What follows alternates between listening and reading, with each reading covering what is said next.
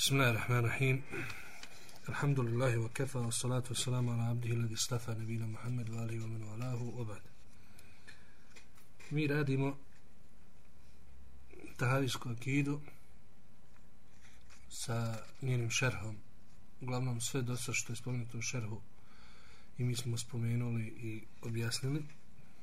I prošli, prošli put smo radili da tevhida imamo tri vrste, kako kaže komentator tevhid svojstvima, tevhid rububijetu i tevhid ibadetu. Je li tako li? Pa smo govorili o tevhidu u svojstvima, pa je on govorio o džahmijama koji negiraju svojstva, što je navelo kasnije određene grupacije kao što su Sufije, Ibn Arabi, Halađ i drugi, da jednostavno zbog toga što su oni negirali svojstva, a nešto što nema svojstva praktično, znači logički i ne postoji, to ih je dovelo do toga da su u principu stvorenja Bog i božansko biće. I tada je došlo do toga da se spomeni taj to vjerovanje kao utjelovljenje, božansko utjelovljenje ili božansko spajanje sa bićima i tako dalje, takozvani al-hulul ul-ittihad. I vidjeli smo neke uh, posljedice tog vjerovanja što smo navodili ovdje da se ne ponavlja. Dalje kaže nam autor u vjerovanju u Allahovu jednoću spada i tevhid u rububijeta.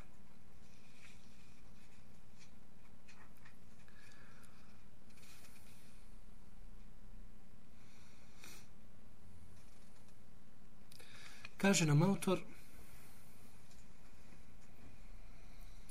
U to spada potvrđivanje da je Allah stvoritelj svega. I da ne postoje dva jednaka stvoritelja u svojstvima i u dijelima. Ovaj tevhid je istina, nema nikakve sumnje, međutim, on je cilj i krajnji završetak mnogih polemičara. Znači, mnogi polemičari smatraju šta? Da je vjerovanje u taj tevhid rububijeta, da je Allah stvoritelj i održavatelj svega, to je u njih vjerovanje u Allaha, sve jedan kroz jedan.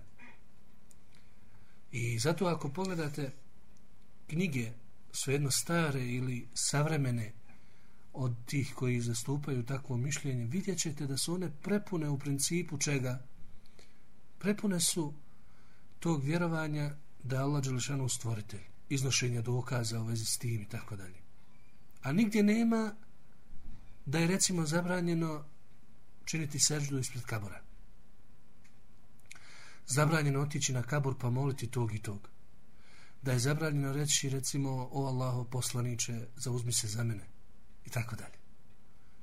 Šta to ukazuje? Da su oni taj tevhid, a vidjeli smo prethodno da je autor rekao da kad se kaže tevhid podrazumijeva se u principu to, tevhid ibadeta. Oni su u principu to zanemarili, samim tim možemo reći zanemarili su srž tevhida. Nego su se bavili a, samo tim jednim dijelom, praktično jednom trećinom tevhida, koja nije osnovna i ciljna. Jer i mušici u Meki su vjerovali da je Allah stvoritelj svega nisu vjerovali da su njihovi kipovi nešto stvorili nego su vjerovali šta da njihovi kipovi njima pomažu i zauzimaju se kod njih kod Allaha posrednici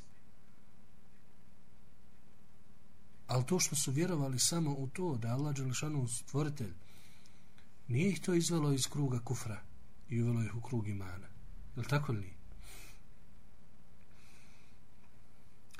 kaže nam autor ovdje Veoma mali broj ljudi u istoriji ljudskog roda negirao i ovo vrstu tevhida. Znači, veoma mali ljudi. Mali broj ljudi.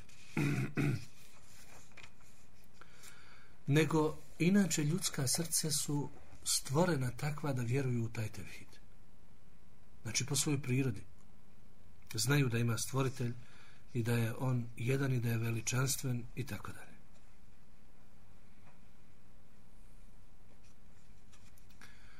Tako da su čak taj dokaz, znači dokaz da ljudi vjeruju sami po sebi i da imaju urođeno u sebi to vjerovjesnici koristili kao dokaz protiv njihovih naroda zbog njihovog nevjerovanja pa Allah Đelešanu kaže u suri Ibrahim deseti ajet قالت رسلهم أفي الله شك فاطر السماوات والأرض i njihovi poslanici su govorili pazar u Allaha da sumnjate Stvoritelja nebesa i zemlje. Znači kao da im poslanici kažu vi vjerujete da je stvoritelj od nebesa i zemlje. I zar je moguće da vi sumnjate u to nešto što postoji u vašim dušama i srcima? Ali oni nisu sumnjali da je Allah stvorio od nebesa i zemlje. Nego su problem što su oni sumnjali da, da je samo njega treba obožavati i vjerovali su da ti njihovi kipovi, ta njihova božanstva kojima se mole, kao što su recimo nekada bili obični kipovi, nekada zvijezde, nekada proljeće, nekada ljeto, neki su obožavali vjetar, neki su imali su bogove za svašta. E tu je ležao problem. Kaže nam ovdje najpoznatiji u historiji ljudskog roda koji je negirao stvoritelja, znači negirao ovu vrstu tevhida je faraon.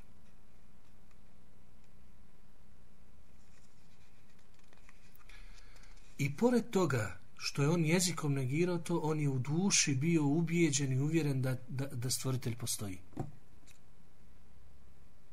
I na to ukazuje Kur'an. U suri Al-Isra u 102. majetu Allah kaže لَقَدْ عَلِمْتَ مَا أَنْزَلَ هَؤُلَاءِ إِلَّا رَبُّ, رَبُّ سَمَوَاتِ وَالْأَرْضِ بَسَائِرِ Kaže njem Musa ti sigurno znaš da ovo, ove znači znakove koje su došli s Musaom nije spustio niko osim gospodar nebesa i zemlje kao dokaz i uputu ljudima. Znači Musa njemu kaže ti tako i tako vjeriš. I još je jasniji ajet u suri An-Naml u kojem Malšanu kaže وَجَحَدُوا بِهَا وَسْتَيْقَنَتْهَا أَنْفُسُهُمْ ظُلْمًا وَعُلُوَ I oni negiraše te ajete, a u dušama su svojim čvrsto vjerovali, a bili su nepravedni i oholi. Sura Neml 14. Znači, ovdje Alšanu jasno kaže da faraon koji je govorio nema stvoritelja, ja sam vaš najizvišeniji gospodar, ja sam i tako dalje. Jasno napominje i kaže da su oni to vjerovali čvrsto u dušama ali su iz oholosti i nepravednosti negirali to jezicima.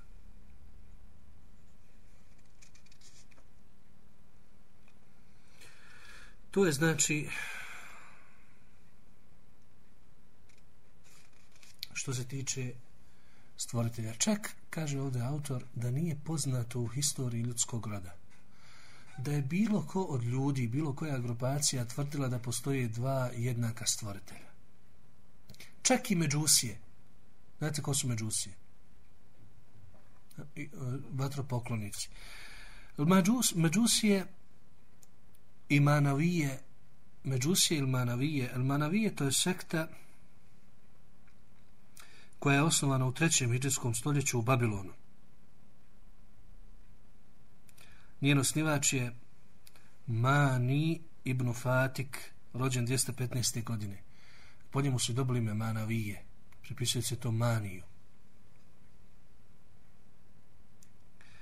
Oni su, kaže, ovdje učili neke te perzijske stare kulture i knjige i prihvatili su te nekakve stvari iz raznih tih kultura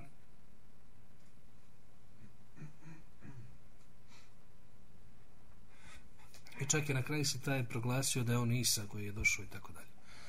Oni su naime tvrdili ti međusi i manavijete, tvrdili su da je svijet nastao od dvoga, znači da su dva stvoritelja. Svjetlo i tama.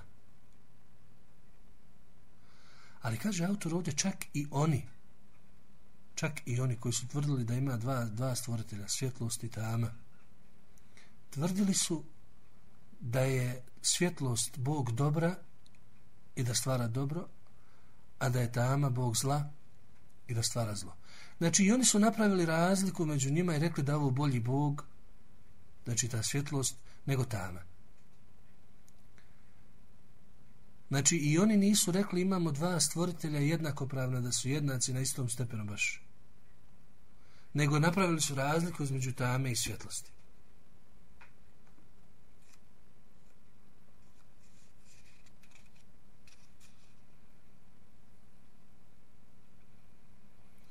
Čak i kršćani. Kršćani kažu imamo troje, je li tako ili nije? To trojstvo, tako zvano. I oni kažu, otac je sve stvorio.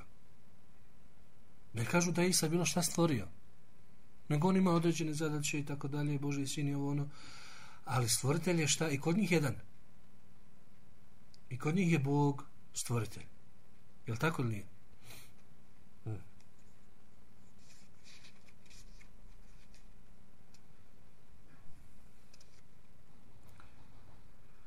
Zatim ovdje autor govori o toj neispravnosti tog mišljenja da, da tog utjelovljenja u principu kao što, što tvrde Sufije ili tog trojstva kao što tvrde ovi jer kaže dokaz, najbolji dokaz da je to neispravno je što sami oni ne razumiju šta govore. I zbog toga imamo razne tumačenje kaže nećemo naći dvojicu da se spoje na jednom tumačenju. Tumače na razne načine. I tako dalje. E samo to tumačenje na razne načine i slično i to nepodudaranje u tim stvarima i onda kad dođu do nečega što ne mogu objasniti kažu to je božanska tajna i ostalo ne ulazi se u to ukazuje na šta na znači jednostavno neispravnost tih mišljenja. Ukratko kaže on, moj možemo reći da na osnovu svega ovoga da na osnovu svega ovoga mi možemo kazati da ne postoji bilo ko od Ademovih potomaka da je rekao da postoji dva ista jednaka stvoritelja. Bilo onih koji su rekli stvoritelja, kao što smo rekli Međusije i Manavije i možda još neki, ali i oni su napravili razliku među njima pa su rekli ovo je dobar, a ovo je loš. Sada nam ostaje širku tevhidu, ibadeta ili tevhid ibadeta ili tevhid uluhije kako ga zovu. To je sve naziv za jedno te isto. Kaže nam on da većina ljudi među njima i Arapi u prvo to vrijeme prije Islama nisu činili širka u stvaranju u tevhidu rububijeta nego su činili širk šta u obožavanju kipova jer su vjerovali da ti kipovi koji su bili u principu kipovi dobrih ljudi od vjerovjesnika i, i dobrih evlijaha znači zagovaraju zagovaraju za njih znači kod Allaha Đalešanuhu i zbog toga su oni koristili njih kao sredstvo molili njih da ih zamole. Znači da malo to bukvalno pojasnimo. Šta su oni, koji je njihov kont bio? Zašto su oni smatrali da su oni posrednici? Kažu oni ovako. Poznato je da se kod bilo kakvog dunjaličkog vladara ne može doći tako bez veze. Moraš imati neku vezu. Je li tako ili nije? Znači sad ta veza može biti legalna, može biti ilegalna. Moraš se prvo najaviti, pa otići, pa da ti odredi vrijeme, pa da dođeš, tako dalje. Pa kaže Allah, Žešanu je uzvišeniji i veći od bilo kakvog dunjalučkog vladara. Pa kako mi možemo tek tako kod njega stupiti, otići bez ikakvog posrednika, bez ikakve veze? A mi znamo, kaže oni, da su ti vjerovjesnici ugledni kod Allaha. Znamo da su meleci ugledni kod Allaha. Znamo da su evlijasi ugledni, ugledni kod Allaha. Pa što mi ne bismo njih zamolili da oni se zauzmu za nas i prenesu naše molbe? Kontate to. Jer Allah je uzvišeniji od bilo kakvog vladara. A ako, ne, ako nije od edeba prilaziti tako vladaru dunjačko, kako ne tek sa Allahom? I zato su neki uzeli da, da, da mole meleke pa da oni zamole Allaha, neki su uzeli da mole vjerovjesnike pa da oni mole za Allaha, odnosno Allaha, a neki su uzeli dobre ljude. Ulijahe. Kako je ko koga znao u kojoj sredini je živio i u kojem vremenu? Kontate to. I zbog toga kažu učenjaci, osnova svakog širka je poistovjećivanje Allaha sa, sa, sa, sa stvorenjima. Jer on su ti na taj način uporedili Allaha sa dunjaličkim vladarima. to, to je bila platforma, ako možemo tako reći, za njihovu zabludu ostalo, sve te, te molbe za, za njih i tako dalje. Upućivanje do ova. I oni su ti došli i prvi takav narod koji je na taj način zaluto je Nuhov narod. Bilo je nekoliko veoma dobrih ljudi u njihovom vremenu koji su živjeli. Njihova imena su navedena u Kur'anu, znali ih neko.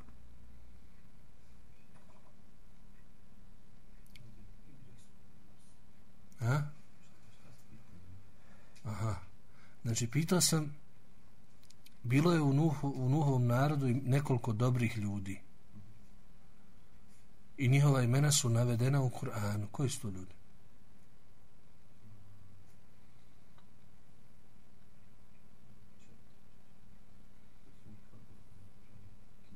Hmm? Spominju se u suri Nuh. Ved, Suva, Jeguz, Vajauk i Nesr. Oni se spominju u suri Nuh, u Džuzu Tebarek. To su bila imena nazivi dobrih ljudi. Desilo se, kako kažu učenjaci, kako navodi imam Buhari od Ibn Abbasa u svom sahiju, da su ti ljudi umrli u veoma kratkom vremenu. Znači, čim pođe u lema umirat i pobožni, nekakav musibe će ljude pogoditi. I uistinu se desilo. Nestaje znanje. I to je u principu slikovito prikazivanje onog hadisa koji je zabilježio imam Buhari u kojem poslanik sallallahu alaihi wa sallam je rekao Inna Allahe la yakbidu ilma intiza'an min sudurin nas. Allah neće uzeti znanje tako što će ga istrgati iz grudi učenih. Wa innama yantazi'uhu bi qabdil ulama. Nego će znanje uzeti od ljudi usmrćivajući učene. Fa idha lam yubqi aliman ittakhadha an-nasu ru'usan džuhala. Pa kada ne ostane ni jedan učenjak, ljudi će neznalice uzeti sebi za vođe. Fesuilu fa aftau bi gajri ilmin fa dhallu wa adhallu. Pa će biti ti što koji su oni izabrali pitani, pa će odgovarati bez znanja, pa će u zabludu odlaziti i u zabludu drugi odvoditi. Auke kal Resulullah sazan. Znači, ovdje se je desilo da u njihovom narodu baš se to desilo, ulema je uzeta, umrli su u kratkom vremenu i ostali su ljudi bez znanja. I desilo se je da su prvo što im je došao šeitan u obliku čovjeka i rekao da naprave nekakve likove, oblike koji će ih podsjećati na njih tako da kad vide njih da još više ibadeta čini da tako na taj način ne zaborave ibadet. Zbog toga kažu učenjaci mnoštvo ibadeta nije dokaz upute. Nekada šetan čovjeka na taj način, na, na putem tih ibadeta odvede u zabludu. I zato kažu učenjaci vrednije je raditi sunnet nego više ibadeta. Znači, raditi po sunnetu je vrednije nego prepustiti se u nekakve ovaj, posebne ibadete. I vi znate sad da mi imamo ljude koji kažu treba kulhu vallahu, ne znam, nija 300 puta proučiti. Treba hiljadu rekata ako hoćeš nešto. Treba ti ovo, treba ti ono. Znači, veliki zamor ulaže se. Ali nema tu hajra. Bolje je uraditi po jednom sunnetu, jer u sunnetu imamo nekoliko koristi ako radimo po njemu. Prvo, to što radimo po sunnetu samo po sebi slijedi nagrada za to. Drugo, sigurni smo da je to u redu. Treće, znamo da je sunnet primjer umjerenosti. Znači, nećemo pretjerati, a nećemo ni zanemariti. Znači, sunnet je primjer umjerenosti. Prema tome, raditi po sunnetu je puno preče. I on je došao njima i rekao im da, da tako ne zaboravite postruču ih na ibadet, I tako je prošlo jedno vrijeme. Dok nije izumrla i ta generacija, onda je došao drugima koji nisu znali više ni zašto su ti kipovi postavljeni. Pa je rekao, to su vaši predsi obožavali. Nisu obožavali ni, nego su u principu molili ni da zamole Allah i tako dalje. I tad je prvi put počelo obožavanje kipova.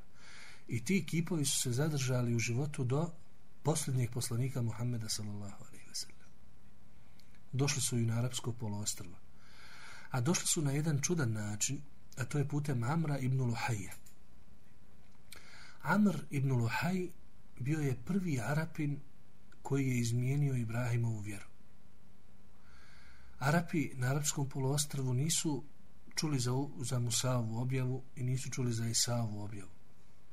Ili ako su čuli, nisu bili dužni slijediti je u to vrijeme, jer su svaki narod ima, da svaki narod ima svog poslanika. Oni su bili zaduženi da slijede Ibrahimovu vjeru,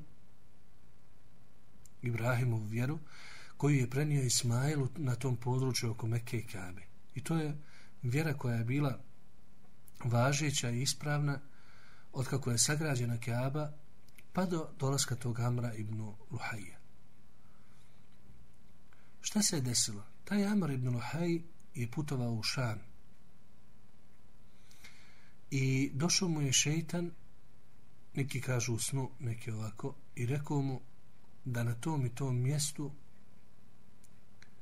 postoje određeni kipovi. I desilo se da je on vidio u Šamu te određene kulture koje su veličale te kipovi i to mu se svidjelo. I u tome, kaže Ulema, leži opasnost izlaganja tim nevjerničkim idejama, teorijama ili novotarskim. Isto tako. I zato je sunnet i praksa učenjaka sunneta da ne izlažu se tome bez potrebe. Ne izlažu se slušanju toga i to se može vidjeti iz njihovih predaja kada ima Mahmed i drugi kad su prolazili pored tine kako stavili bi prste u uši pa kaže zar se i ti bojiš kaže bojim se sinko da kada to čujem da malo pomalo to ne pređe u razmišljanje pa razmišljanje u ideju pa ovo pa da dođe to u srce i nakon toga da zalutam Znači, ne treba se izlagati tome, nego ako se nekad desi i ne možeš to izbjeći, onda u tom slučaju treba postupiti kao po onom hadisu u Buhariju muslimu, nemojte priželjkivati susret sa neprijateljem. A kada se susretnite, onda strpite se. Znači, to je pravilo za sve, to je za vorbu, ali i za sve drugo. Ako ima neka neprijatnost, nemoj je preželjkivati. Ako ima ptičija gripa, recimo, nemoj je preželjkivati da vidiš kako ćeš proći. Ali ako se desi, istrpi se. Ako ima, recimo, neke novotarske te ideje ili te ideje koje nisu u skladu sa islamom, nemoj preželjkivati i ti ih tražiti sam. Ali ako ti dođe, onda, kao što je rečeno od jednog učenjaka, neka ti srce bude kao staklo, a nemoj da bude kao spužva.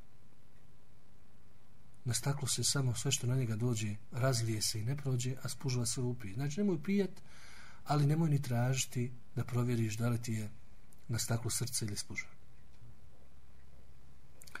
Desilo se da on to vidio i oni iskopao te kipove iz Nuhovog naroda. I prvi su oni koji su došli u Meku, to su prvi kipovi koji su postavljeni kod Kabe i pozvao je svoj narod koji inače u to vrijeme, znači nije bilo nekog učenog posebno, on je bio ugledan. Pozvao ih je u obožavanje tih kipova da budu posrednici i s vremenom svako pleme imalo je po jednog kipa. S vremenom je došlo do toga da je svaka kuća imala svog kipa, pa svaki čovjek svog kipa, pa je oko same Kjabe bilo oko 360 kipova, kako navode učenjaci Sire, kada je poslanik osvojio 8. hijđarske godine. Znači, 360 kipova je bilo oko Kjabe i unutar Kjabe. A šta je bilo kipova u kućama i pojedincima? Razumijete to? S vremenom je to tako došlo. I navodi se naime hadisi u kojem je poslanik nam rekao da je to Gamra ibn Luhajja vidio u džahnemu kako se pati i kako se muči jer je on prvi koji je izmijenio Ibrahimovu vjeru. Znači, to, to su bila imena ljudi u, u suri Nuh 23. ajta što nam kaže وَقَالُوا لَا تَذَرُنَّ عَلِهَتَكُمْ وَلَا تَذَرُنَّ وَدًّا وَلَا سُوَاعًا وَلَا يَغُوثَ وَيَوُوكَ وَنَسْرَ I nemojte ni pošto ostavljati svoje bogove, nemojte ostavljati Vedda, Suvaa, Jegusa, Vojevuka i Nesra. I to ti je To ti je rečenica koju ponavljaju svi oni koji čine širk na bilo koji način. Pa ćemo naći čak i ove koji čini danas širk sa evlijasima i ostalim, kažu, nemojte ni pošto ostavljati sedmorcu braći. Nemojte ni pošto ostavljati, nekad ne znaju ni koji su ukopani. Ne ostavljati tog i tog. Nemojte ni pošto ostavljati Hasana, Kafe, Bruščaka, gore to kabora, šta ima tamo? Kabor koji, ko, koji obilazi tamo. Nemojte ni pošto ostaviti. Stalno ponavlja jedno te isto. To je naša tradicija, to je naše ovo, to je naše ono. To su iste, iste u principu, sadržaj isti, samo na drugi način rečeno. Stalno se to ponavlja. A mi kažemo, niko nije preči da se za njega drži i da se ne ostavlja ni po koju cijenu od Allaha. Pa oni kad kažu nemojte ostavljati vedda suva i jegusa, mi kažemo nemojte ostavljati Allaha ni pošto. Jer bez jegusa i jevuka i drugih možete, a bez Allaha sigurno ne možete. Zato se u nekim rivajetima i prenosi sine Ademov, ako mene nađeš, našao se sve. Ako mene izgubiš, izgubio se sve. Prenio ima muslim u svom sahihu od Ebul Hajjađa Lesdija da je, posla, da je Alija radijallahu anhu njemu rekao Ala eb'athuke ala ma ba'athani Rasulullah sallam Hoćeš li da te pošaljem da izvršiš ono što je meni poslanik sallam naredio da izvršim u njegovo vrijeme أمرني ألا أدع قبرا مشرفا إلا سويته ولا تمثالا إلا طمسته Naredio mi je da ne ostavim ni jedan uzdignut kabur, a da ga ne poravnam, i ni jedan kip, a da ga ne uništim, ili sliku, a da je ne zamažem. U dva sahiha je preneseno od vjerovjesnika sa srlom da je na smrtnoj bolesti rekao Le'an Allahu ljehuda van nasara i tahadu kubura anbijaihi mesajid yuhadiru ma fa'alu kale ta'iša radijallahu anahu leula dalike la ubrize kabruhu ولكن كره أن يتخذ مسجدا neka Allah proku, prokune po jednom značenju a po drugom može Allah je prokleo. Znači ovo može biti dova od strane poslanika sa srlom a može biti i obavijest. Znači podrazumijeva hadis jedno i drugo. I tahadu kubura embijahi masar znači neka Allah prokune e, jevreje i kršćane uzeli su kabure svojih vjerovjesnika za molitvu znači za mjesta na kojima čine molitvu. Kaže Aisha radijallahu anha koja je prenosilac ovog hadisa time je upozorio na njihov postupak. A da nije toga mi bi njegov kabur iznijeli na vidno mjesto. Ali mrzio je, prezirao je da ljudi ne bi to uzeli za mjesto molitve. Znači ovo sad govori o hadisima ostalim koji dolazi dole, to ćemo ako Bog da nastaviti idući put u vezi sa širkom u tevhidu i badete. Kulu kao li hada, vas sallallahu ala nabina Muhammed.